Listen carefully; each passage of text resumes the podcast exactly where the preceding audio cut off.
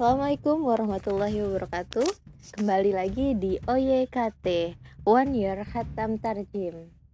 Untuk episode selanjutnya di episode ke-7 hari ini Di tanggal 22 Muharram 1442 Hijriah Saya akan melanjutkan terjemahan dari surat At-Takwir. Mulai dari ayat 1 sampai ayat terakhir. Langsung aja kita mulai Aku berlindung kepada Allah dari godaan setan yang terkutuk dengan menyebut nama Allah yang Maha Pengasih, Maha Penyayang. At-Takwir ini artinya menggulung. Merupakan surat Makkiyah yang berarti diturunkan di surat di kota Mekah. Surat ini merupakan surat ke-81 yang terdiri dari 29 ayat. Untuk ayat pertama sampai ayat ke-14 menceritakan tentang peristiwa-peristiwa besar pada hari kiamat. Ayat pertama. Apabila matahari digulung. Ayat kedua, dan apabila bintang-bintang berjatuhan. Ayat ketiga, dan apabila gunung-gunung dihancurkan. Ayat keempat, dan apabila unta-unta yang bunting ditinggalkan atau tidak terurus. Ayat kelima, dan apabila binatang-binatang liar dikumpulkan. Ayat keenam, dan apabila lautan dipanaskan. Ayat ketujuh, dan apabila ruh-ruh dipertemukan dengan tubuh. Ayat delapan, dan apabila bayi-bayi perempuan yang dikubur hidup-hidup ditanya. Ayat ke-9 karena dosa apa dia dibunuh. Ayat ke-10 Dan apabila lembaran-lembaran atau catatan amal telah dibuka lebar-lebar. Ayat ke-11 Dan apabila langit dilenyapkan. Ayat ke-12 Dan apabila neraka jahim dinyalakan. Ayat ke-13 Dan apabila surga didekatkan. Ayat ke-14 setiap jiwa akan mengetahui apa yang telah dikerjakannya. Untuk ayat ke-15 sampai ayat terakhir menceritakan tentang Muhammad adalah seorang rasul yang diturunkan kepadanya Al-Qur'an.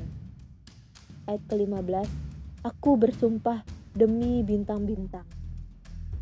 Pada ayat sebelumnya, Allah telah menjelaskan bahwa yang disampaikan oleh Rasul kepada kaum kafir merupakan ayat-ayat yang jelas sebagai petunjuk bagi mereka. Sesungguhnya lubuk hati mereka yang paling dalam mengetahui serta mengakui hakikat dan kebenaran dakwah dari Nabi Muhammad SAW. Penjelasan tentang itu diawali dengan sumpah. Firmannya, "Fala uqsimu." Kata ini dimaksudkan untuk menetapkan kebenaran atau kebaikan seakan-akan karena sudah jelas tidak membutuhkan lagi kepadanya sumpah. Jadi, pengertian ayat ini, kami tidak membutuhkan sumpah untuk meyakinkan yang telah kami sebutkan, karena hal itu nyata sekali. Jadi, sumpah di sini adalah sumpah untuk meyakinkan. Dari Tafsirul Maghari Maragi, juz 30 halaman uh, terjemahan ke-58. Kemudian ayat ke-16 yang beredar dan terbenam. Ayat ke-17 demi malam apabila telah larut. Ayat ke-18 dan demi subuh apabila fajar telah menyingsing. Ayat 19 Sesungguhnya Al-Quran itu benar-benar firman Allah yang dibawa oleh utusan yang mulia atau malaikat Jibril. Ayat 20 yang memiliki kekuatan, memiliki kedudukan tinggi di sisi Allah yang memiliki arsh. Ayat ke-21 yang di sana di dalam di alam malaikat ditaati dan dipercaya. Ayat 22 dan temanmu Muhammad itu bukanlah orang gila. Ayat 23 dan sungguh dia Muhammad telah melihatnya, yaitu malaikat Jibril dari ufuk yang terang. Ayat 24. Dan dia Nabi Muhammad Shallallahu alaihi wasallam bukanlah seorang yang kikir atau enggan untuk menerangkan yang gaib. Ayat 25 dan Al-Quran itu bukanlah perkataan setan yang terkutuk. Ayat 26 Maka ke manakah kamu akan pergi?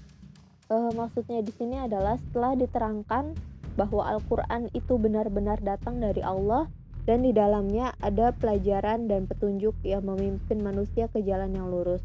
Ditanyakanlah kepada orang-orang kafir itu, jalan manakah yang akan kamu tempuh lagi?